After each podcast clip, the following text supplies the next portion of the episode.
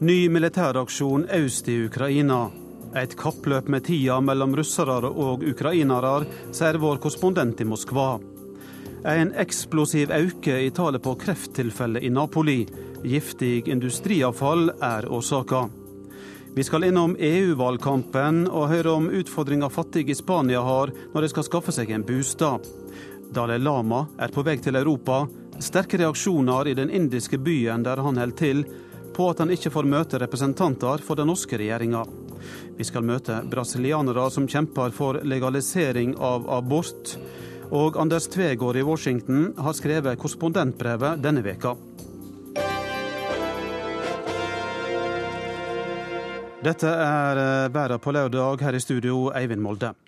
Ved daggry i dag tok ukrainske tryggingsstyrker kontroll med TV-tårnet i byen Krematorsk, som er nabobyen til Slavjansk i det sørøstre Ukraina.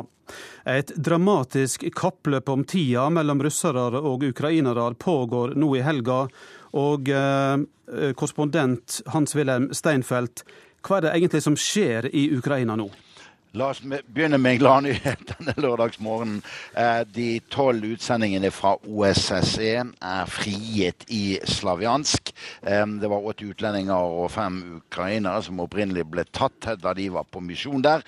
Og eh, de russiske separatistene i Slavjansk sier at Putins utsending, Vladimir Lukin, som tidligere var menneskerettsombud i Russland, har vært instrumentell i å få disse satt fri. Eh, kappløpet ja, det er militæraksjonen ukrainerne har satt i gang. I dag tok de TV-tårnet i Kramatorsk. I går ble ni mennesker, mennesker drept i Slaviansk. To helikopterpiloter. 30 omkom i den svære havnebyen Odessa i et slag mellom russiske separatister og russ, ukrainske nasjonalister. Og kappløpet dreier seg om følgende. 11. mai skal uh, russerne i Danetsk-regionen ha folkeavstemning om de skal bryte ut av Ukraina og slutte seg til Russland, akkurat som det skjedde på Krim. Ukrainerne prøver å få desperat kontroll over situasjonen i Sørøst-Ukraina, som de ikke har, før dette referendumet eh, eventuelt finner sted, for det kan utløse en russisk invasjon. Russerne på sin side har et lengre problem, mer langsiktig problem. For 25. mai skal ikke bare Ukraina ha presidentvalg, det skal også være folkeavstemning om hvorvidt landet skal beholde sin territorielle enhet som det er nå. Og Kiev-myndighetene mener å vite at 70% av russerne som fortsatt er borgere av Ukraina, ønsker å forbli borgere av denne staten og ikke slutte seg til Russland. Så her har både Kreml og Kiev et tidspress på seg, hvilket gjør situasjonen farligere. Nå ser jeg i dag at en talsmann for eh, president Putin sier at tanken på å gjennomføre presidentvalget i Ukraina i mai er absurd. Hvordan tolker du det? Ja, eh, Det er den hissende hissende retorikken Kreml holder seg med. Det er klart at I en borgerkrigssituasjon er ikke det gode tider for å holde et valg. Men situasjonen er ikke borgerkrigspreget i Ukraina. Og vi skal huske at, at av, de, eh, av, de, 42 millioner ukrainerne som bo, eller borgerne av Ukraina som bor der, så er jo altså 80 ukrainere. Og situasjonen i landet er ellers stabil. Så det er tøv, det som Putins pre prestatsmann sier. Militæraksjonene, eh, som vi altså ser nok et eksempel på i dag, eh, kan føre til katastrofale følger for lederskapen i Kiev, sier Russland. På hva måte? Jo, for det første så kan jo det komme det som er det store skrekkscenarioet for myndighetene i Kiev nå. At Vladimir Putin drar til Sevastopol på årsdagen for seieren over nazismen 9. mai. At situasjonen fortsetter å bli ille. Mer blodsofre på russisk side, flere martyrer. Og så kan plutselig Putin stå i Sevastopol, det skrekkscenarioet, si jeg etterkommer oppfordringen fra mine russiske landsmenn i Ukraina og kommer dem til unnsetninger. Så har du en invasjon. Det er et skrekkscenario. Det andre som kan bli en katastrofe for dem, er at hvis det blir mye flere blodsofre på russisk side i Ukraina nå, og i går var det den blodigste dagen i landet siden Janukovitsj falt, ja, så kan Kiev miste det Kiev mener er en viss støtte i den russiske befolkningen til ønsket om å forbli borgere av Ukraina. Så her er begge parter um, omgitt av dilemmaer på alle kanter. Kommer Russland til å få mer støtte i Tryggingsrådet i FN, tror du, der altså Putin vil ta opp Ukraina igjen på dagsordenen? Jeg tror ikke det. Deres næreste allierte på denne grønne jord, eh, eh, president eh, Lukasjenko, har jo kalt anneksjonen av Krim for en dårlig presedens. Kina unnlot å stoppe og støtte Russland forrige gang i FNs sikkerhetsråd. Nå truer USA med enda skarpere sanksjoner. Og slik som russerne nå også har kjent firemaksavtalen fra Genéve skjærtorsdag for død og maktesløs, så tror jeg kanskje at også opinionen opinionen i deler av EU som har vist russerne forståelse. Vi snakker om Slovakia, vi snakker om Ungarn. Kanskje begynner å innse at Putin kunne spilt mer på fredens parti enn han har gjort i konflikten med Ukraina. Takk skal du ha, Hans-Wilhelm Steinfeld, for at du var med i uh, Verden på lørdag. Vi skal videre til vår USA-korrespondent Gro Holm, som er her i studio. Denne veka har uh, amerikanske straffetiltak mot uh, Russland blitt skjerpa. Hvordan vurderer den der effekten av sanksjonene? Ja, De økonomiske kommentatorene i USA de er nok stort sett enige om at ikke, de har hatt så veldig store konsekvenser til nå. Og de viser jo da gjerne til at den russiske økonomien var på vei nedover allerede før sanksjonene ble innført de første 17. mars. Eh, dessuten, så hvis vi ser på rubelen i forhold til dollar nå, så har faktisk eh, rubelen styrket seg sammenlignet med tiden før eh, 17. mars. Men på den annen side Russlands kredittverdighet har sunket. Og investorene sitter nå på gjerdet og lar være å gå inn med nye investeringer. Og tilliten til russisk økonomi er jo lavere enn den, enn den var før. Eh, Europa snakker for lengst om å finne andre kilder for eh, olje og gass. Eh, og det er nok denne usikkerheten som er det aller største problemet for russisk økonomi nå, og som gjør at det kommer til å gå én vei, regner økonomene med, nemlig nedover eh, hvis ikke noe skjer. Den tyske forbundskansleren Angela Merkel hadde i går en felles pressekonferanse med Obama utenfor Det hvite hus, og der kommenterte de også sanksjonene. Hvor samde og samkjørte er de? Ja, På pressekonferansen i Rosehagen i går så fremsto de to som veldig enige. Eh, og det kommer for så vidt også et litt nytt signal, nemlig de knytter eventuelle nye sanksjoner til om hvorvidt Russland blander seg inn i gjennomføringen av presidentvalget 25. Eh, mai. Tidligere så har man jo snakket om at eh, terskelen på en måte er nye russiske styrker, eller russiske styrker inn på nye steder i Ukraina. Men så, etter pressekonferansen med Obama i går, så snakket Merkel til det amerikanske handelskammeret. Og der var det en litt mer forsiktig tone. Der snakket hun om at sanksjoner ikke kan være et mål i seg selv, og at en ikke skal undervurdere virkningen av de sanksjonene som allerede er innført. Eh, og man skal huske på altså at eh, hvis en ser på samhandelen mellom Russland og USA, Russland og EU, så er samhandelen med EU nesten ja, den er rundt ti ganger så stor som eh, den er mellom altså USA og Russland. Så det er altså slik at EU er mye mer sårbart. Det er ikke bare prat.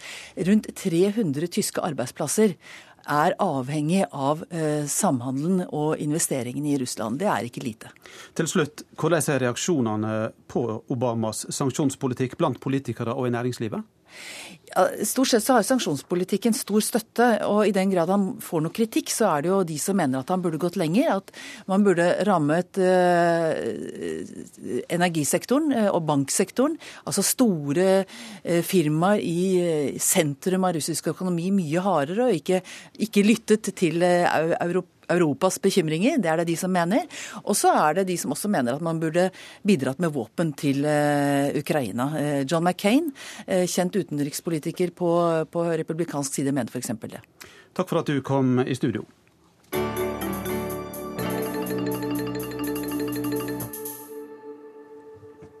Vi skal nå til Campania, det fruktbare jordbruksområdet utenfor Napoli i Italia.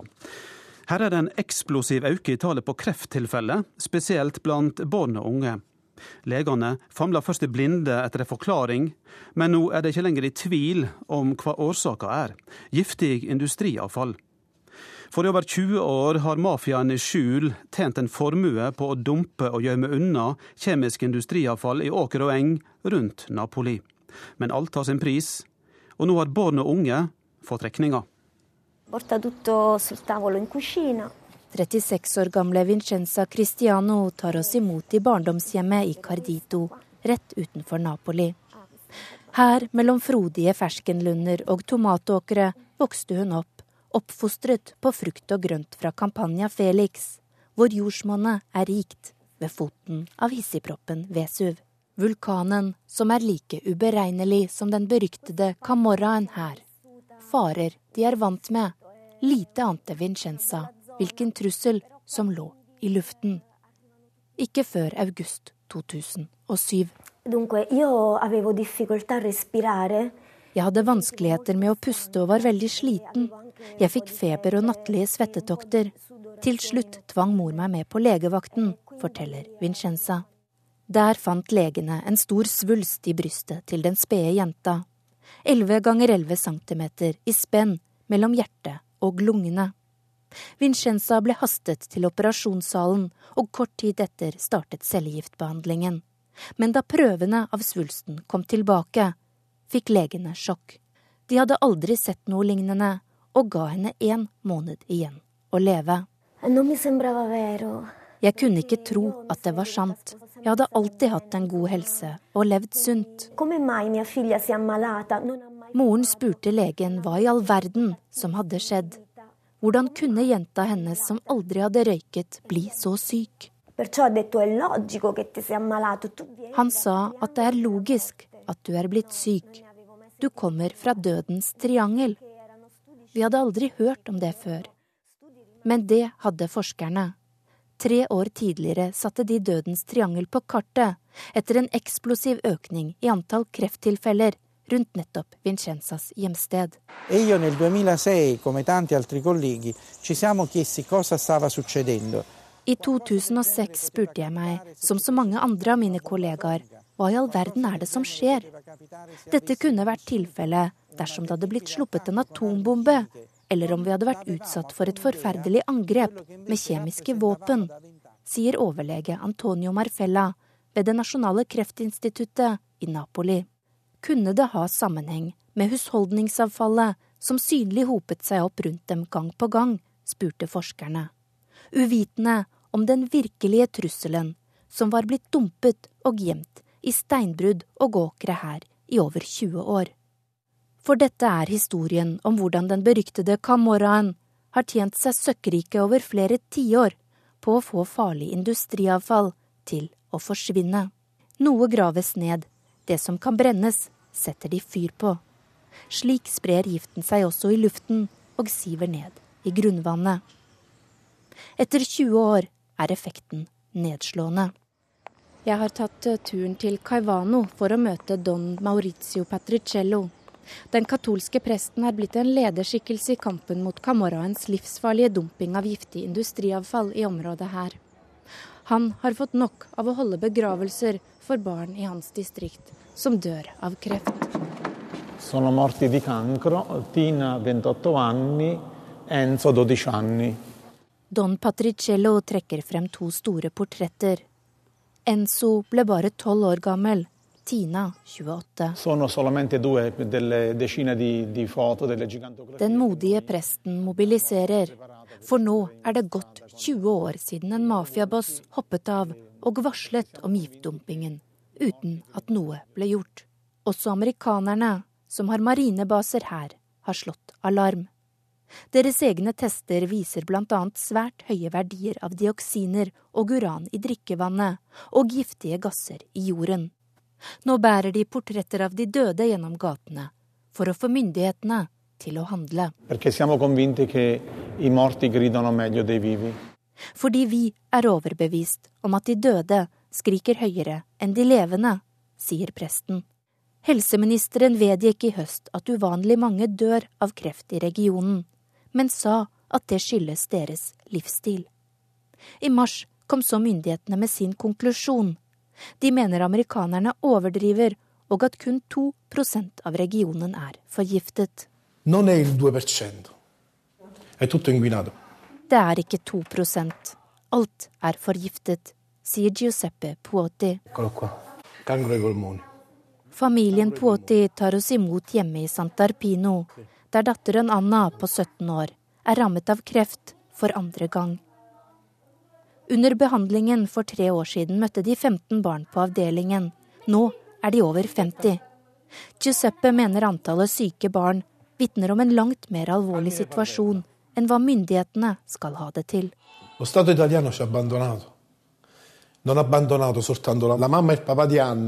Den italienske staten har forlatt oss. Den har ikke bare forlatt mammaen og pappaen til Anna. De har forlatt Anna. De har forlatt alle barna, sier Giuseppe fortvilet. Nå venter familien på svar på de siste prøvene.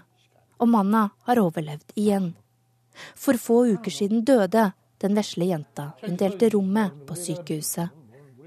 Men historien til Vincenza Cristiano gir håp. This is my angel. My mother, my angel. Takket være eksperimentell behandling i Madrid fikk hun mer enn 30 dager. I dag er hun erklært frisk, men mange av barndomsvennene lever ikke lenger. E delle mie amiche pure che hanno provato sperimentazioni non ce l'hanno fatta. Flere av vennene mine prøvde også eksperimentelle kurer uten å lykkes, sier Vincenza. Nå engasjerer hun seg i kampen for å få myndighetene og EU til å reagere før det er for sent. Qua nel frattempo stiamo morendo. Veramente un grido di allarme perché stiamo morendo. I mellomtiden dør vi. Dette er virkelig et hyl. Alarm. Vi dør. Avslutter Vincenza. Charlotte Bergløff rapporterte fra Napoli. Og familien Puotti, som du hørte til slutt i denne reportasjen, får du møte i Søndagsrevyen på NRK1 i morgen.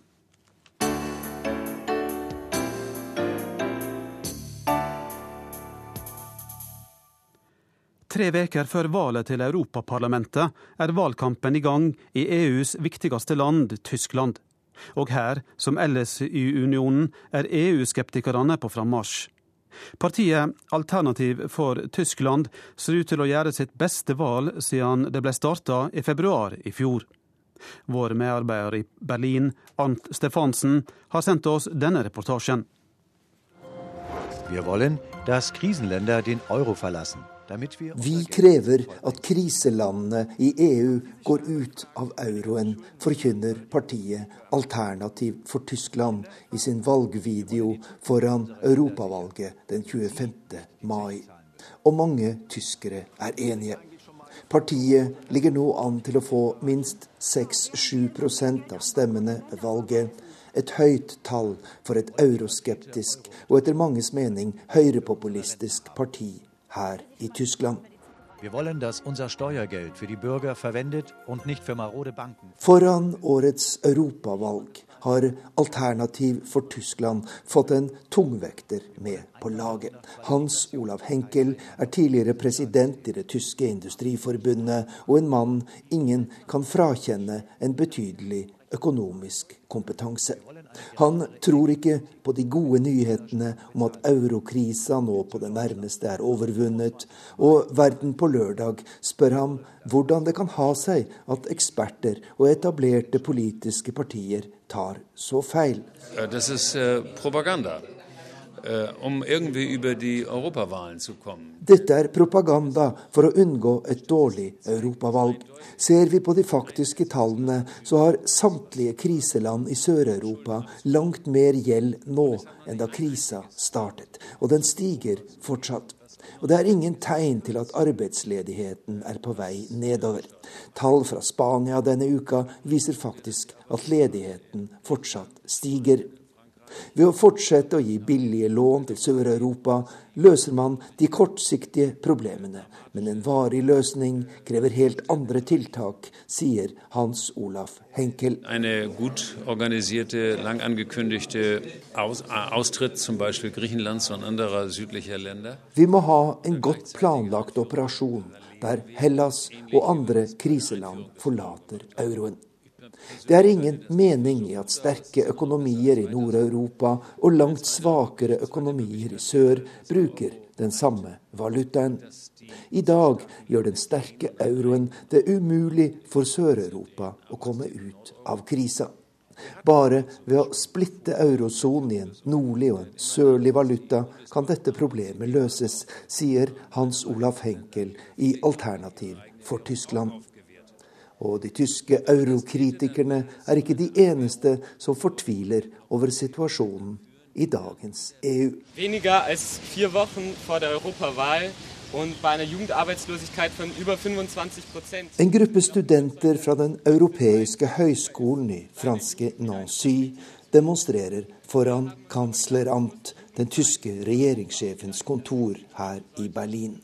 Få uker foran europavalget er hver fjerde ungdom i EU uten arbeid, og det er et dystert bakteppe for valget, sier talsmannen for demonstrantene, fransk-tyske Marc Four.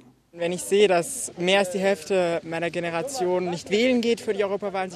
vi ser at mer enn halvparten av unge velgere i EU-landene ikke vil delta i dette viktige valget, så er det et sterkt signal om stemningen i dagens Europa. Etter mer enn fem år med krise har Europas unge mistet det viktigste troen på fremtiden og tilliten til at man ved å studere flittig og arbeide hardt er sikret en god og trygg fremtid, sier studenten ved Europahøgskolen.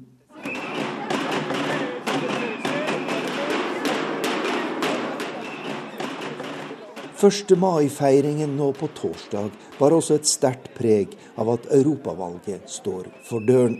Og venstresiden mobiliserte kraftig både her i Berlin og ellers rundt om i Tyskland.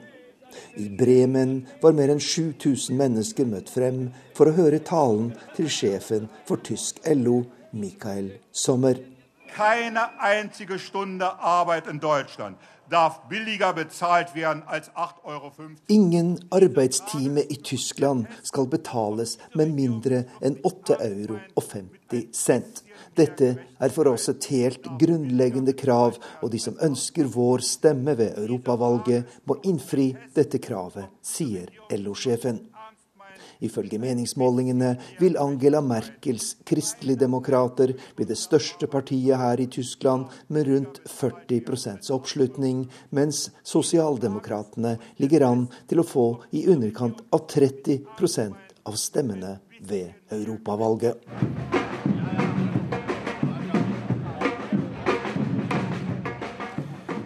Fra Tyskland skal vi til Spania, der prisene på bostad er halvert siden den økonomiske krisa starta. Dette viser nye tall. Samtidig holder altså arbeidsløsa der fram med å stige, og dermed har mange nyfattige ikke råd til å betale det det koster for en bostad. Men ingen vestlige land har færre sosialbostader enn Spania. På en kafé i en forstad utenfor Madrid lager Gema Romero del Prado en espresso. Hun har drevet kafeen i flere år. Jeg trives fordi det er rolig, sier hun. Kanskje litt for rolig. Kundene er få. Det går mye dårligere enn da jeg kom hit for sju-åtte år siden, sier hun. På begynnelsen var det mange flere folk her, men det går rundt selv om det er mindre penger i kassa. Forteller Del Prado. Lokalet ligger i første etasje i en boligblokk. Hele nabolaget ble bygget før boligboblen sprakk. Mange leiligheter står tomme, selv om prisene er lave. På store plakater reklamerer de med at leilighetene koster en halv million kroner. Da de var nye, var prisen 1,7 millioner. Det er flere leiligheter som blir solgt nå, sier Romero del Prado. Jeg kjøpte selv da det var dyrt, men det var enda dyrere i Madrid. Nå kan jeg få tre leiligheter her for den prisen jeg ga, sier hun. Men hun klarer i hvert fall å betjene lånet. Som mange andre steder i Spania har mange blitt kastet ut av sine nyinnkjøpte leiligheter her etter at krisen inntraff.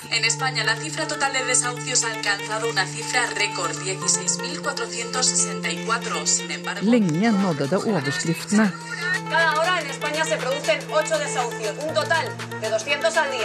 Familier som ble kastet på gata.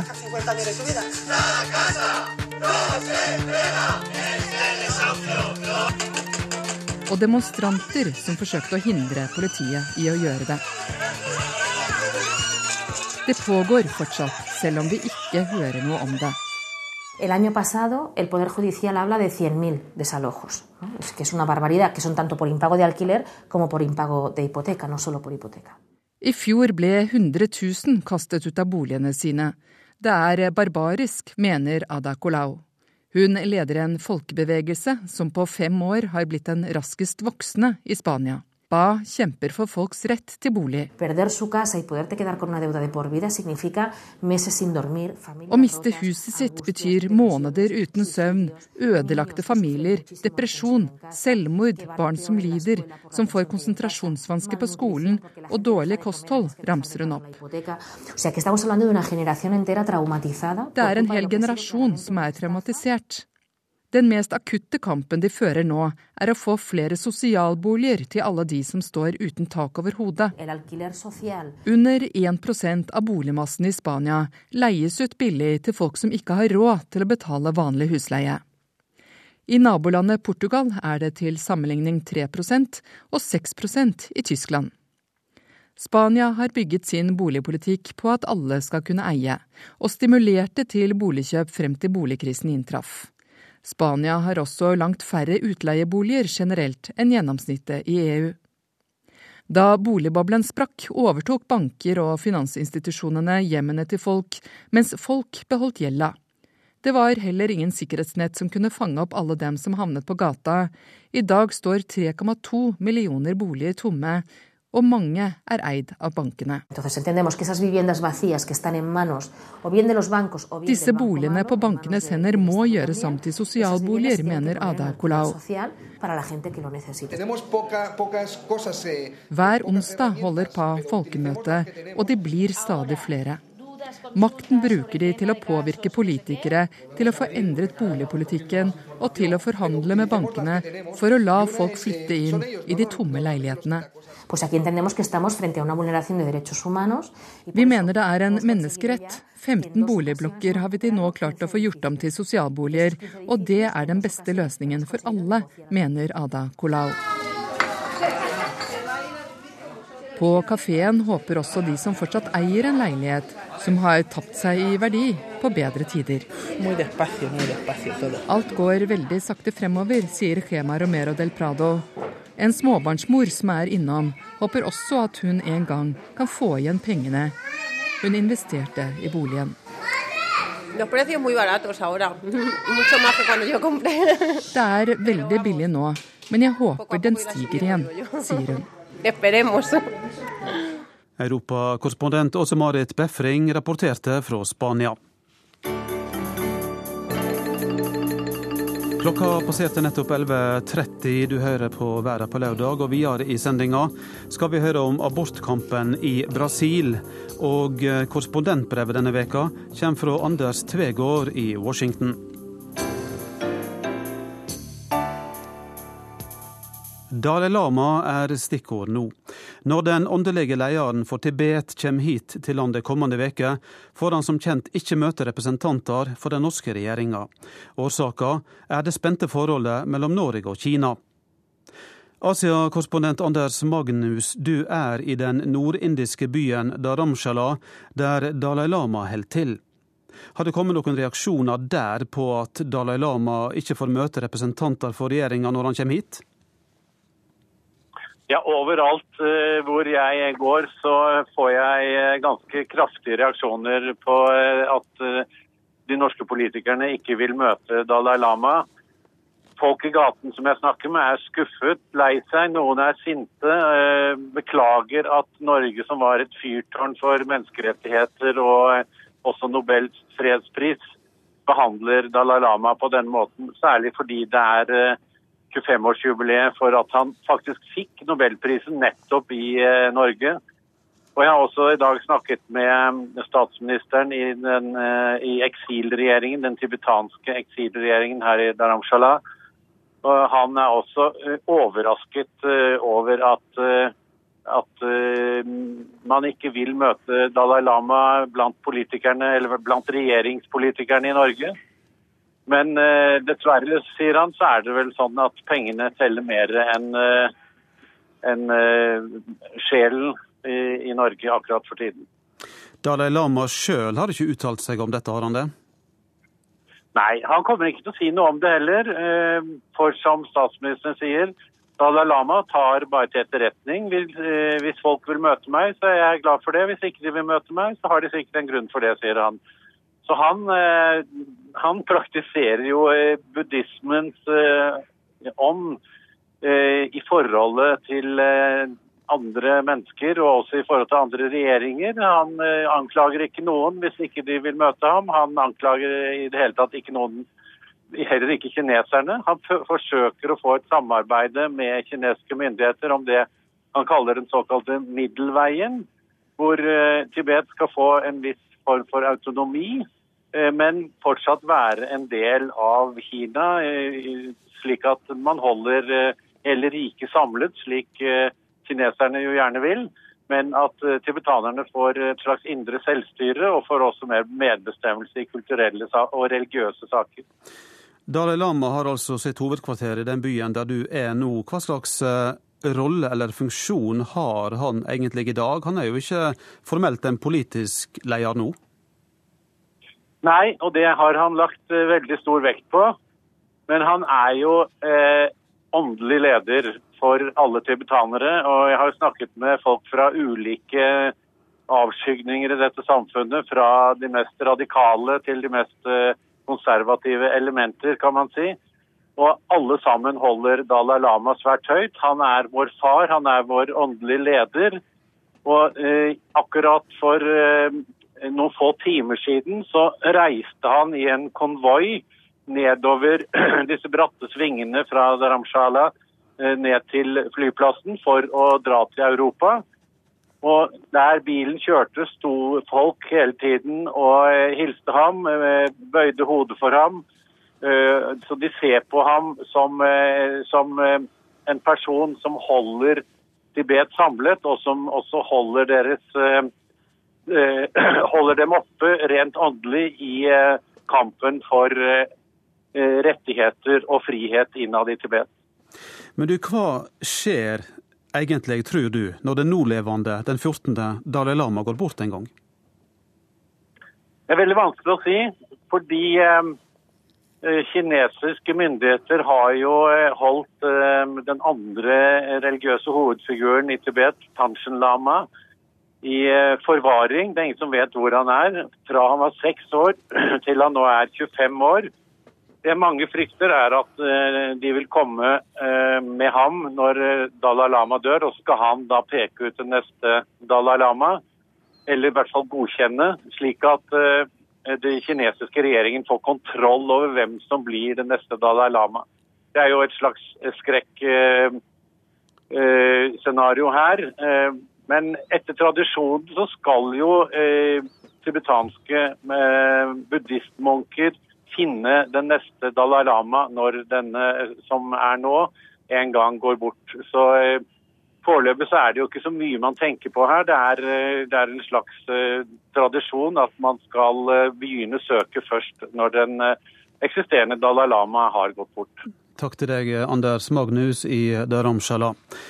Og i disse dager når nasjonen altså diskuterer om regjeringa har gitt etter for press fra Beijing eller ei, kan det være historisk interessant å minne om regjeringa si behandling av Leo Trotskij. Både da han søkte om asyl for 85 år siden, og da han ble utvist i 1936. Presset fra Sovjetunionen den gangen var ikke mindre enn presset fra Kina i dag.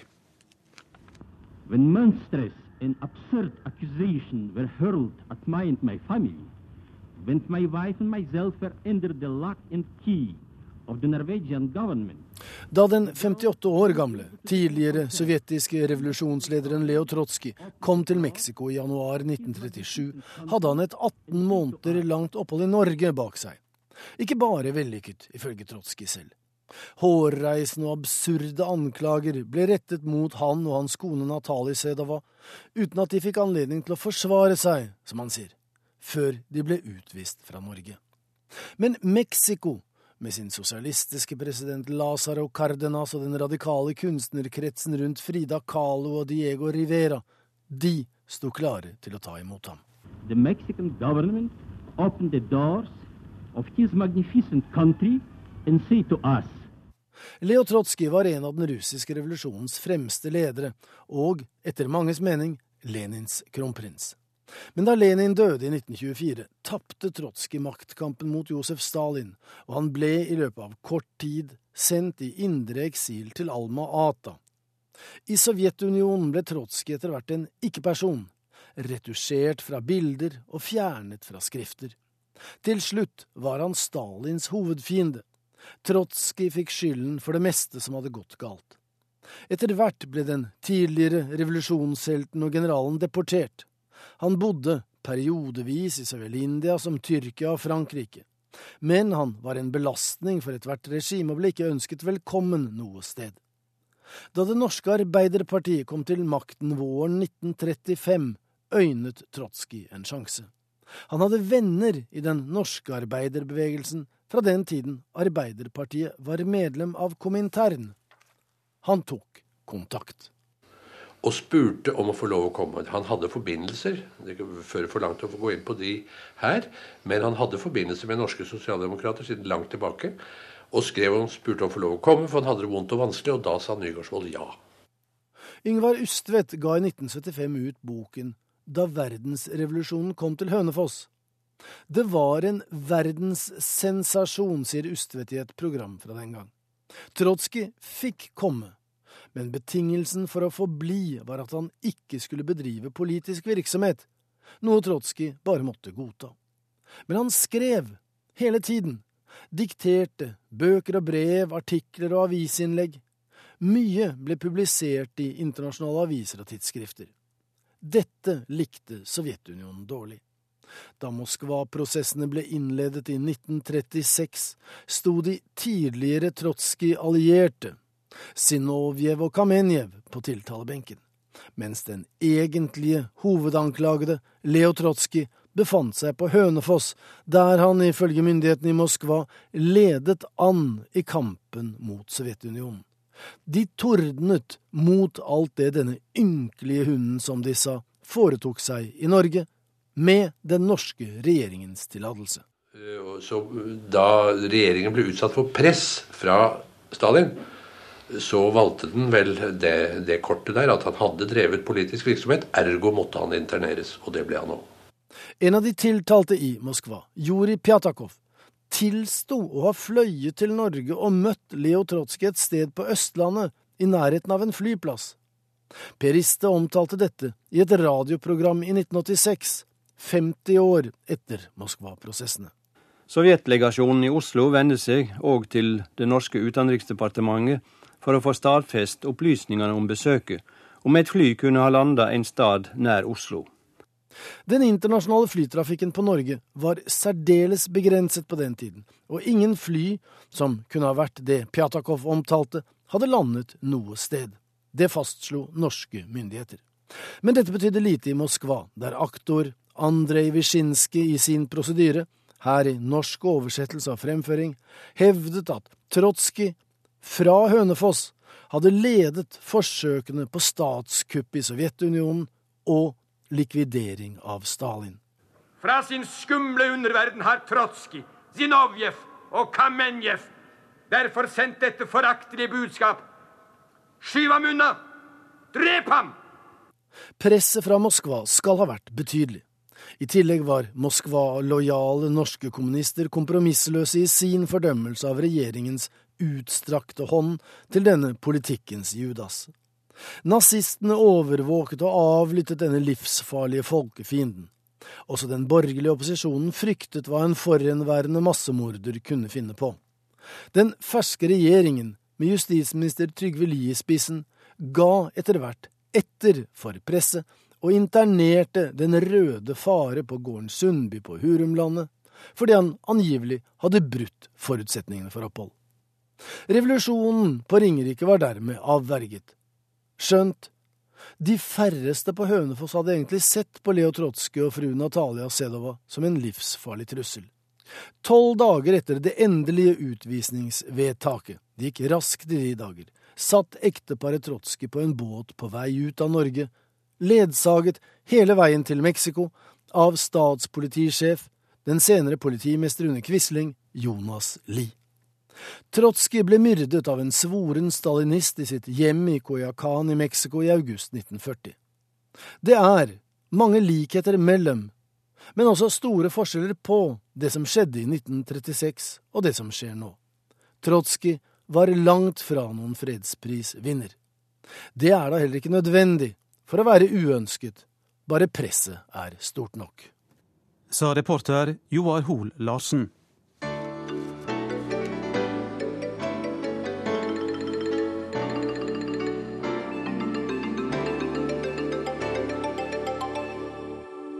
Torsdag markerte folk over hele verden som kjent arbeiderne sin dag. Brasil er et av de landene i verden der det er størst skilnad mellom fattige og rike. Og er det én ting som virkelig skiller disse gruppene fra hverandre i verdens største katolske land, så er det tilgangen på sikker abort. Brasil har nemlig en av de mest restriktive abortlovene i hele verden. Stig Arild Pettersen har vært i Sao Paulo og møtt de som kjemper for legalisering av abort. For dem er abortkamp klassekamp. Essa, essa primeira parte é o que a gente chama do atendimento de emergência. Jeg er knapt innenfor døra før dr. Jefferson Dressett setter i gang å prate. Ikledd sort dress gestikulerer den erfarne legen ivrig, mens han stolt forteller om mottakssenteret for voldtektsofre han leder her ved Perola Byington-sykehuset sentralt i storbyen Sao Paulo. På en vanlig dag kommer det rundt 25 kvinner som har blitt utsatt for voldtekt til sykehuset. De får hjelp til å anmelde forholdet, blir undersøkt for seksuelt overførbare sykdommer, og ikke minst får de hjelp av psykolog. Men mange kommer også til Perola Byington for noe som er tilgjengelig svært få andre steder i Brasil abort. Hoje nós atendemos aqui no hospital aproximadamente 3 a 4 casos de aborto legal, pelo menos por semana. Vi gjennomfører tre til fire lovlige aborter hver uke. Og halvparten av disse gjøres i 13. til 22. svangerskapsuke, altså på et svært sent og teknisk krevende tidspunkt, forteller dr. Jefferson. Og nettopp ordet 'lovlig' står sentralt. Det er nemlig kun voldtekt som gir en kvinne rett til abort her i verdens største katolske land. Alt annet blir behandlet som lovbrudd. Det er enorme hindringer i veien for kvinner som ønsker å ta abort i dette landet, forteller dr. Jefferson. Eh, De restriktive lovene skaper et perverst marked for illegale aborter. Det finnes sikre alternativer, men disse er svært dyre. Og de som ofte trenger en abort, er kvinner med begrensede midler. De tyr dermed til billige, men farlige inngrep, forteller legen.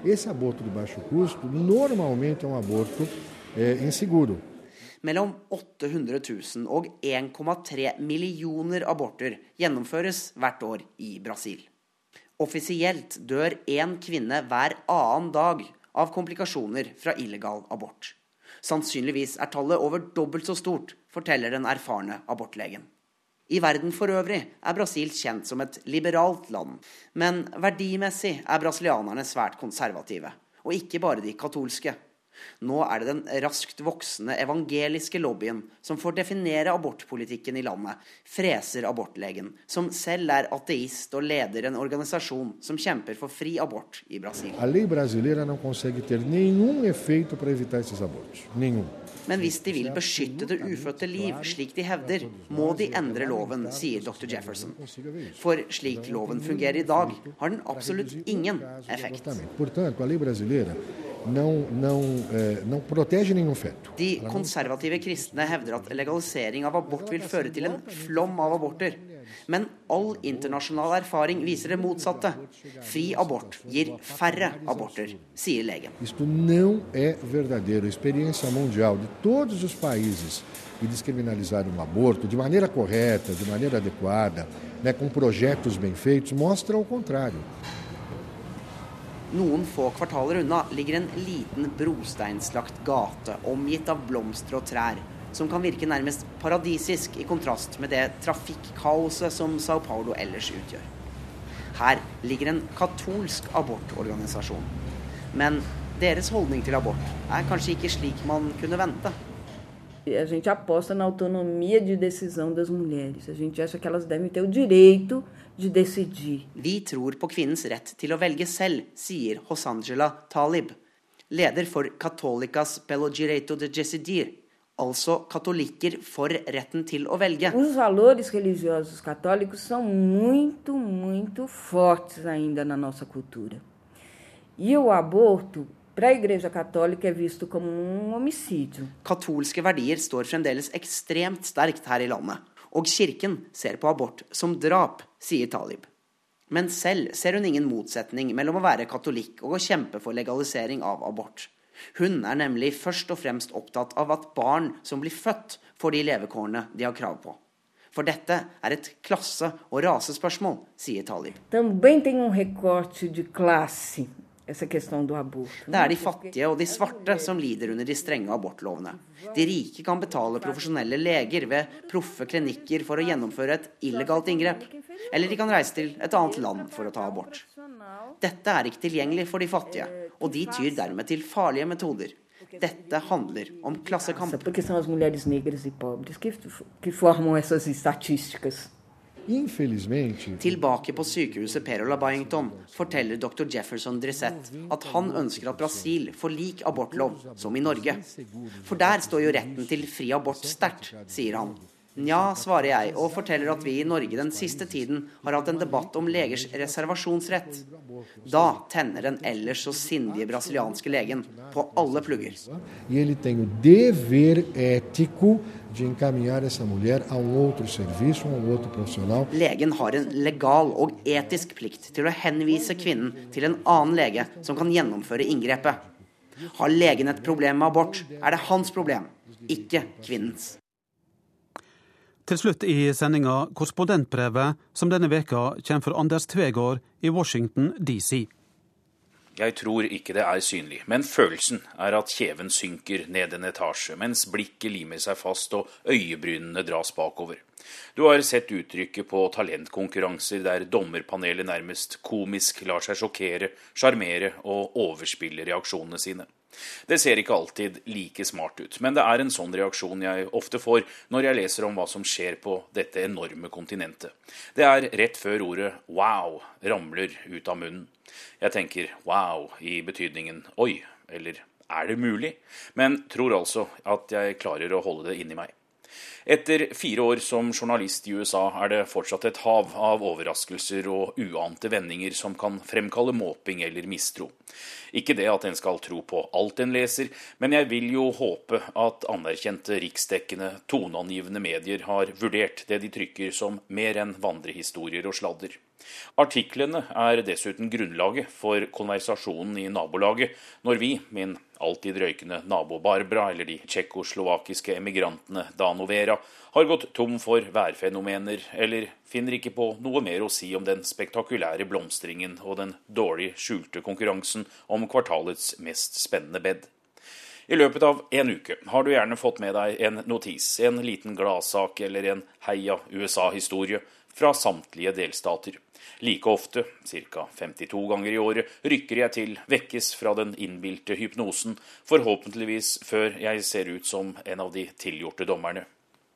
Et eksempel. I Brooklyn lever hipsterkulturen med retromote, ironisk bart og i overkant kule nabolag. Tidvis litt anstrengt, og for noen også en livslønn.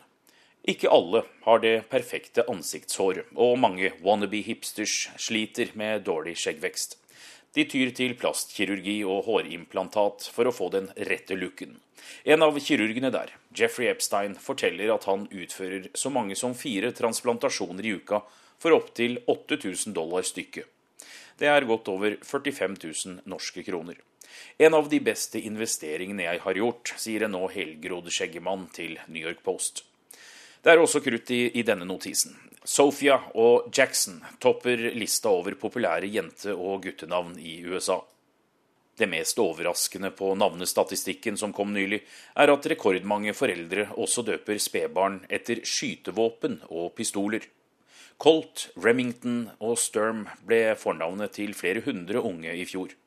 Arbeidet med våpenreform går i beste fall svært sakte.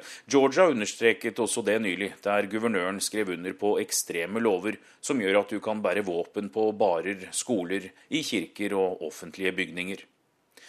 I utgangspunktet vil jeg skrive om noen mer grunnleggende spørsmål eller samfunnsendringer i dette brevet, som f.eks. cannabis. Mange delstater skuler på Colorados eksperiment, der marihuana behandles som alkohol. Forstå seg på året tror hasj blir legalisert i hele landet innen 20 år. I dag selges det over disk til fritidsbruk, og etter bare noen måneders erfaring skryter Colorado av gigantiske skatteinntekter og bedre kontroll med hasjen. De mener avkriminaliseringen frigjør fengselsceller og politiressurser, og at kartellvirksomheten vil få en knekk når cannabis dyrkes og selges i kontrollerte former. Washington på vestkysten åpner marihuanabutikker i sommer. Flere delstater vurderer det samme. Presidenten har selv inhalert, og vil ikke ta noen trekk for å stanse delstatene som gjør marihuana lovlig, selv om det fortsatt ses på som et ulovlig narkotisk stoff på føderalt nivå. Det er jo wow-faktor over dette også. Og business og entreprenørskap for nye grupper. En 13-årig speider lagde seg en plass utenfor en klinikk med medisinsk marihuana i California. Hun solgte kaker til inntekt for speiderorganisasjonen. Alle de 117 eskene ble utsolgt på 45 minutter. Brukerne blir så sultne etter røyken, sier gründeren Danielle Lei. Hun er tilbake utenfor klinikken hver helg. Cannabis er USAs mest utbredte rusmiddel. Det er nesten mer regelen enn unntaket at amerikanerne på et eller annet tidspunkt har hatt et forhold til de ulovlige substansene. Bruken av dødsstraff, den brede oppslutningen og delstatenes utrettelige kamp for å finne den giftige cocktailen, er også et gjentagende tema, som heller ikke forsvinner de neste åra. 32 av 50 delstater har dødsstraff på papiret. Flere av dem har midlertidig stans, et moratorium på gjennomføringen, men USA står likevel oppreist som det eneste demokratiet i den vestlige verden som praktiserer dødsstraff. Texas henretter flest og i kjappeste tempo. I fjor ble det satt giftsprøyte på 16 mennesker. Jeg er blitt fortalt at det ligger både kulturelle og juridiske forklaringer bak.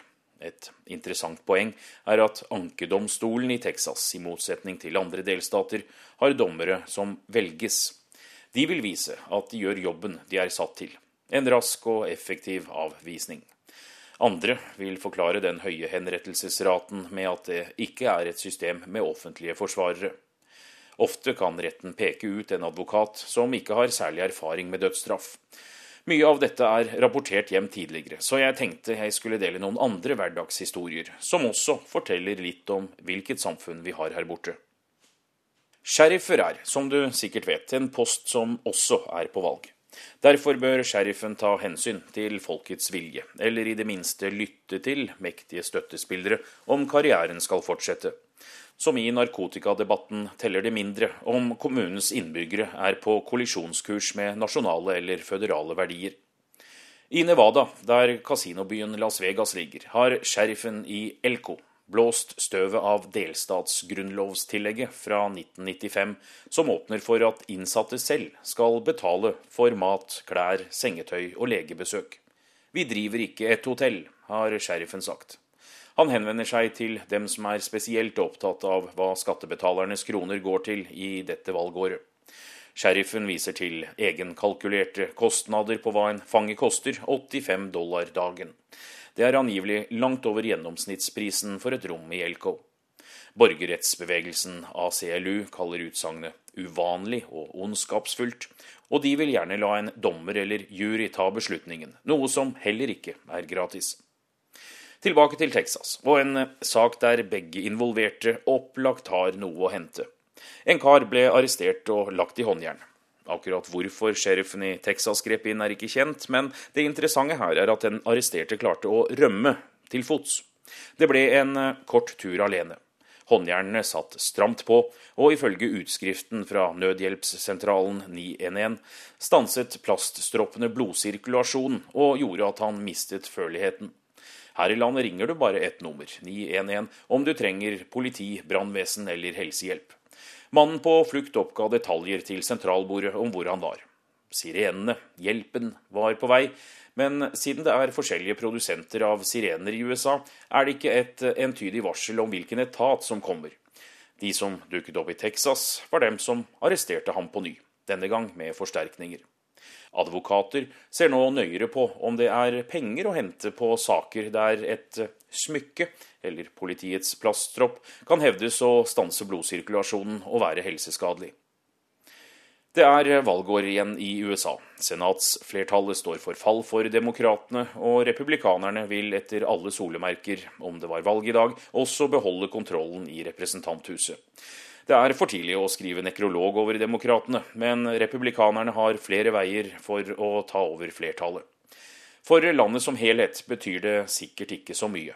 Om den upopulære Kongressen, gitt at den er helstyrt republikansk, plutselig skulle velge å bli mer effektiv, så er det hos presidenten politikken vil stoppe opp.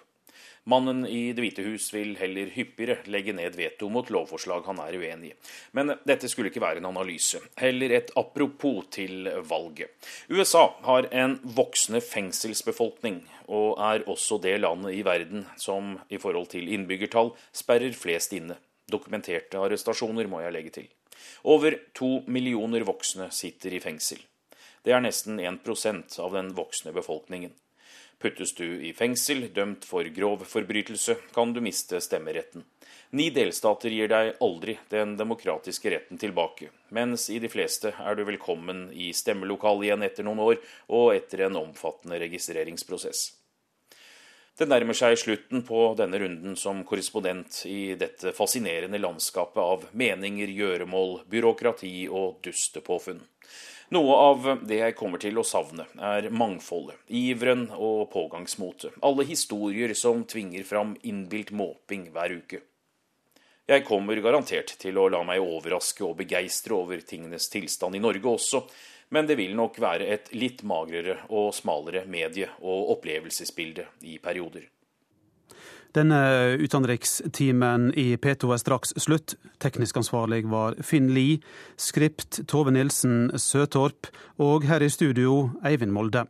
Nå er det straks Dagsnytt.